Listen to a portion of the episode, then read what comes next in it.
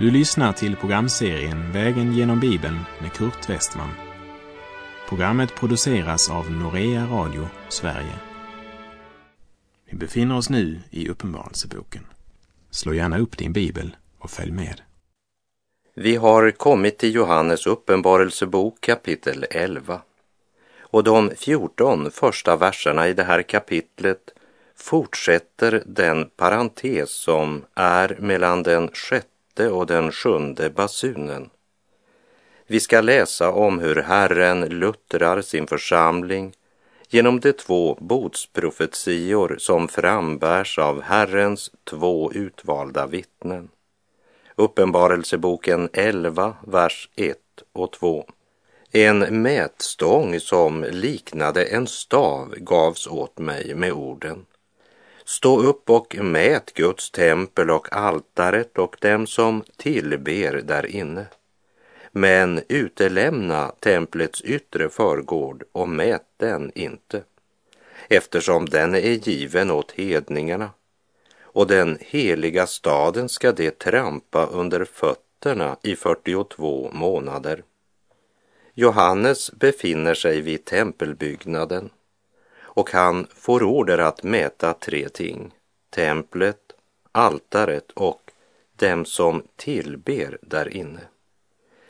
Men förgården den ska han däremot inte mäta eftersom den är given åt hedningarna, åt dessa som trampar den heliga staden under fötterna utan att på något sätt pressa bilden eller påstå att det är tydningen av det Johannes ser och hör, så vill jag be dig lägga märke till det tredje Johannes skulle mäta, nämligen det som tillber där inne. Det vill säga det som tillber där Gud har lovat möta sitt folk. Det talar om ordets och bönens folk, det heligas gemenskap. Templet var ju platsen i vilken Gud bodde. Och i det nya förbundet säger Paulus i Första Korinterbrevet 3, vers 16. Vet ni inte att ni är ett Guds tempel och att Guds ande bor i er? Om Guds ande bor i oss är vi en Guds boning. Vi tillhör inte längre oss själva vi tillhör Gud. Och i Första Korinterbrevet 6, vers 19 och 20 så skriver Paulus eller vet ni inte att er kropp är ett tempel åt den helige Ande som bor i er och som ni har fått av Gud och att ni inte tillhör er själva? Ni har blivit köpta och priset är betalt, så förhärliga då Gud i er kropp och i det sammanhanget så står ju förgården som en bild på den del av den synliga församlingen som består av kyrkor, samfund och organisationer som endast tillhör Herren till det yttre. Och David Hedegård säger hedningarna är Guds församlings fiender och deras förtrampande av den heliga staden talar om den stora förföljelsen mot Guds folk i ändens tid, den sista och största martyrtiden. En stor del av det som gällt för att vara Guds församling ska gå under i denna förföljelse. Ty där finns ingen kraft att lida för Herren. Massavfall, massförnekelse, det är vad som kommer att äga rum. Vid denna tid kommer alla kyrkor och kristna organisationer att ödeläggas. Men det finns något som inte kan ödeläggas. Det som Herren genom sin ande verkat i människosjälarna.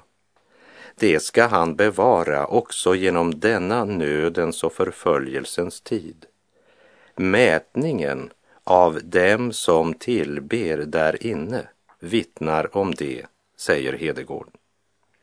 Därmed så drar Herren i Uppenbarelseboken en skiljelinje mellan förgårdskristendom som flyter i ett med hedendom och världen och helgedomskristna, sådana som håller sig obesmittade av världen, avskilda för Herren och lever i Guds fruktan och helgelse.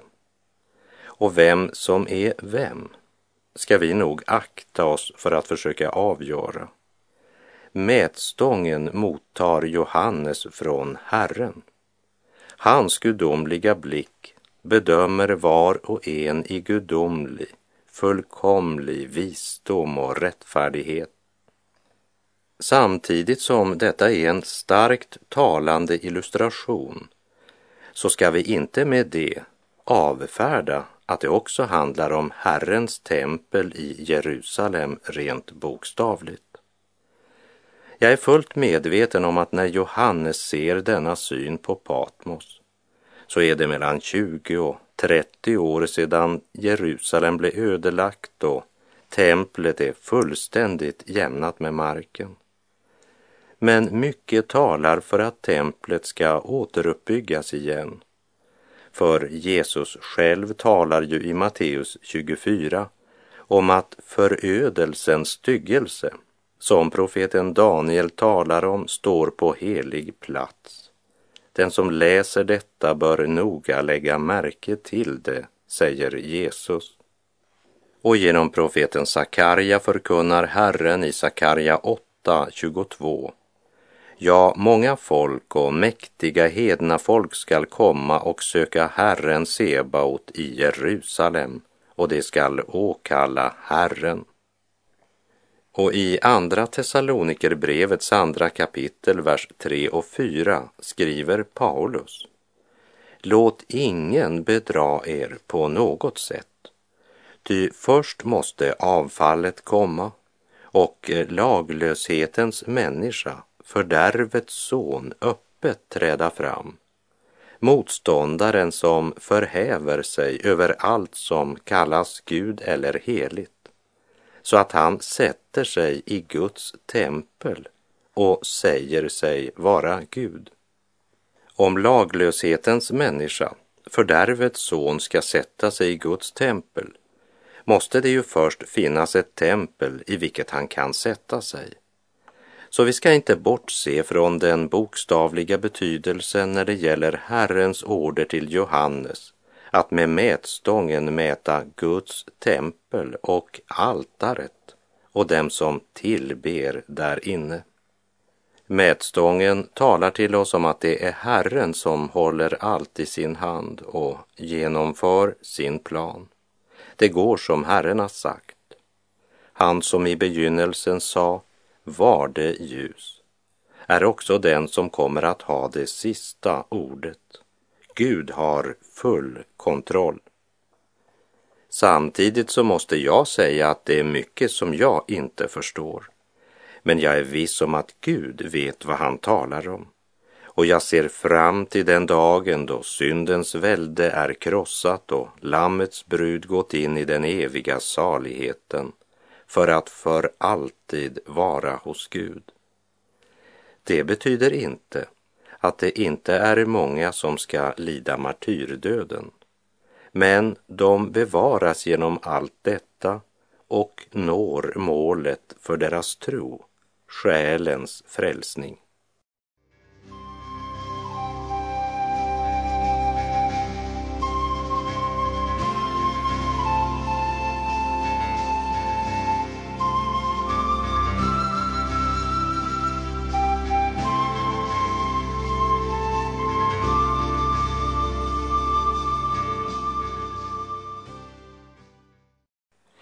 Av vers 2 förstår vi att det kommer en tid då hedningarna, det ogudaktiga, ska kunna härja närmast obegränsat med Guds församling och trampa helgedomen under sina fötter. Men också den tiden är begränsad, fastsatt av Gud som har full kontroll, också när Satan och världen härjar som värst. När Gud drar slutsträck är det slut med förtrampandet av Guds folk och av allt som är heligt. Vi läser Uppenbarelseboken 11, vers 3. Och jag ska befalla mina två vittnen att profetera under 1260 dagar klädda i säcktyg. Herren introducerar här två vittnen utan att ge oss någon närmare redogörelse för vem de är. Och hade det varit viktigt för förståelsen av Johannes uppenbarelsebok att veta vem de är, så hade nog Gud identifierat dem. Jag vet att många spekulerat på vem de är och det har getts många olika förslag. Men jag nöjer mig med att återge det som Johannes fick höra. Jag ska befalla mina två vittnen att profetera under 1260 dagar, klädda i säcktyg. Dessa är de två olivträden och de två ljusstakarna som står inför jordens Herre. Det jag finner högst intressant det är att inte ens under den antikristliga ändetiden ska vittnesbördet om Gud tystna. Likt han i det gamla förbundet sände sina profeter och i det nya förbundet sina vittnen, så ska vittnesbördet om Gud fortfarande ljuda. Och dessa ord står som en gudomlig uppmuntran för alla sanna Guds barn som är förföljda, jagade och kringspridda och som nu endast kan mötas i hemlighet så som många troende redan nu har det i många länder. Men här så är det situationen för alla Guds barn som håller fast vid Guds ords sanning. Och mitt i denna mörka tid ska det träda fram två benådade förkunnare. Oljeträd och ljusstake vittnar om att dessa två ska bära frukt för Herren och vara redskap genom vilka Herren ännu kastar en strimma av ljus i vår mörka värld. Men antikrist som bringat många namnkristna på fall och förfört många klarar inte att leda dessa två till andligt avfall. Därför ser han ingen annan möjlighet att få sin vilja än att döda dem. Vi läser Uppenbarelseboken 11, vers 5 till och med 7. Om någon vill skada dem kommer eld ur deras mun och förtär deras fiender.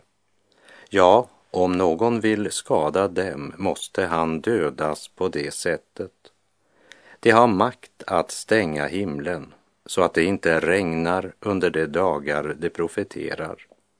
De har makt att förvandla vatten till blod och att slå jorden med alla slags plågor så ofta de vill. Och när de har fullgjort sitt vittnesbörd skall vilddjuret som kommer upp från avgrunden strida mot dem och besegra och döda dem. Vi lägger märke till att dessa två vittnen inte dödas av vilddjuret förrän deras uppdrag är fullgjort. Kanske var det dessa ord han hade läst, mannen som uttalade följande påstående. En Jesu Kristi stridsman är odödlig tills hans uppdrag är fullgjort. Det farligaste för ett Guds barn, det är inte att behöva lida för bekännelsen av Kristus eller att ge sitt liv för sin tro. Men det som är farligt, det är att låta bekvämligheten segra och att svika Herren och därmed ge upp och inte fullföra uppdraget. Att ha ord om sig att leva men vara död är det farligaste av allt. Att vara förgårdskristen och inte helgedomskristen. Jesus Kristus, det trovärdiga vittnet, han som är sanningen, uppenbarar för oss hela och fulla sanningen och låter oss veta att frälsningens budskap, glädjebudskapet, blir inte till någon verklig glädje varken för tid eller evighet, om man inte tar emot det och lever i ljuset. Gud drar en skiljelinje mellan altaret och förgården. Guds mätstång röjer undan allt det yttre som människoögat har så lätt för att vila på.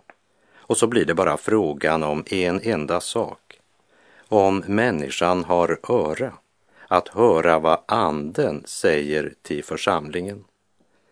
Den ande som har makt att dra deras hjärta hjärtan till Kristus och bevara deras tankar i honom. Då ska Guds frid, som övergår allt förstånd, bevara era hjärtan och era tankar i Kristus Jesus, står det i Filipperbrevet 4, vers 7. Dessa vittnen, de ska förkunna Guds ord i 1260 dagar, vilket motsvarar den tid som hedningarna ska förtrampa den heliga staden. Det påminner mycket om det ord som Jesus talar i Lukas 21, vers 24. Det ska falla för svärdsägg och föras bort som fångar till alla hedna folk. Jerusalem kommer att trampas ner av hedningarna tills hedningarnas tider är fullbordade. Utan att pressa den bilden så vill jag ändå nämna att eftersom de två vittnena inte identifieras av Herren på något sätt kan det hända att det inte talas om två personer men om anden och ordet genom vilka Herren uppenbarar för oss att världen är Guds församlingsmotståndare liksom den avfallna kyrkan är Guds församlingsmotståndare. Och den verkligheten lever vi i redan nu. Det stora åtskiljandet har börjat och Jesu efterföljare måste välja sida. Min vän, hör du vad Anden säger till församlingarna? Men allt det här, det ska en dag kulminera när denna profetia uppfylls. Men även under dessa fruktansvärda 1260 dagar, det vill säga tre och ett halvt år, ska det stadfästas att Guds ord inte är bundet.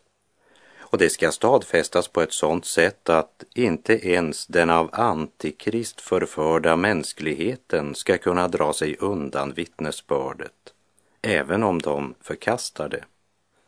Men till sist får Antikrist sin vilja. Han kan inte krossa Guds barn andligt, men han kan döda dem. Och när de har fullgjort sitt vittnesbörd skall vilddjuret som kommer upp från avgrunden strida mot dem och besegra och döda dem. Uppenbarelseboken 13, vers 7 säger och åt vilddjuret gavs makt att strida mot det heliga och att besegra dem. Och det fick makt över alla stammar och folk och språk och folkslag. Inför denna sanning så är det viktigt att ha dessa Jesu ord från Johannes 16.33 i minnet. Detta har jag talat till er för att ni ska ha frid i mig. I världen får ni lida, men var vid gott mod. Jag har övervunnit världen.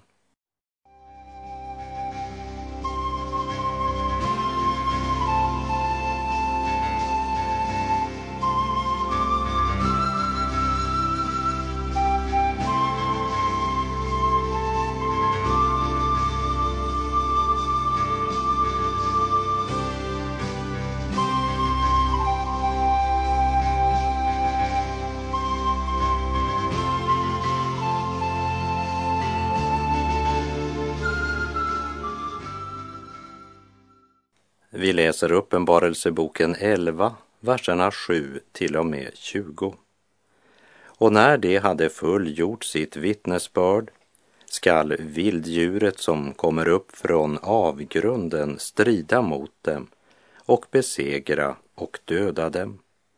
Deras döda kroppar kommer att bli liggande på gatan i den stora stad som andligt talat kallas Sodom och Egypten. Den stad där deras herre också blev korsfäst. Människor av olika folk och stammar och språk och folkslag ser deras döda kroppar i tre och en halv dagar. Och det tillåter inte att kropparna läggs i någon grav. Och jordens invånare gläder sig över dem och jublar och skickar gåvor till varandra. Ty dessa båda profeter har plågat dem som bor på jorden. Vid tidens ände så ska Jerusalem åter bli mittpunkten för Jesu fiender. Precis som det var när Jesus korsfästes. Och världens alla ogudaktiga, de känner sig lättade när de får höra i radio och se på TV att vittnesbördet om Jesus har tystats. Äntligen har man gjort sig av med Gud och med Guds församling. Evangeliet om Jesus, sanningens budskap, har upplevts som en plåga för syndens människa och för den avfallna kyrkan. Nu gläder man sig och jublar och skickar gåvor till varandra. Vi läser vers 11 och 12. Men efter de tre och en halv dagarna kom livsande från Gud in i dem och det stod upp. Och de som såg dem blev skräckslagna. Och de hörde en stark röst från himlen säga till dem, kom hit upp. Och de steg upp till himlen i ett moln och deras fiender såg dem. Innan vi går vidare så vill jag säga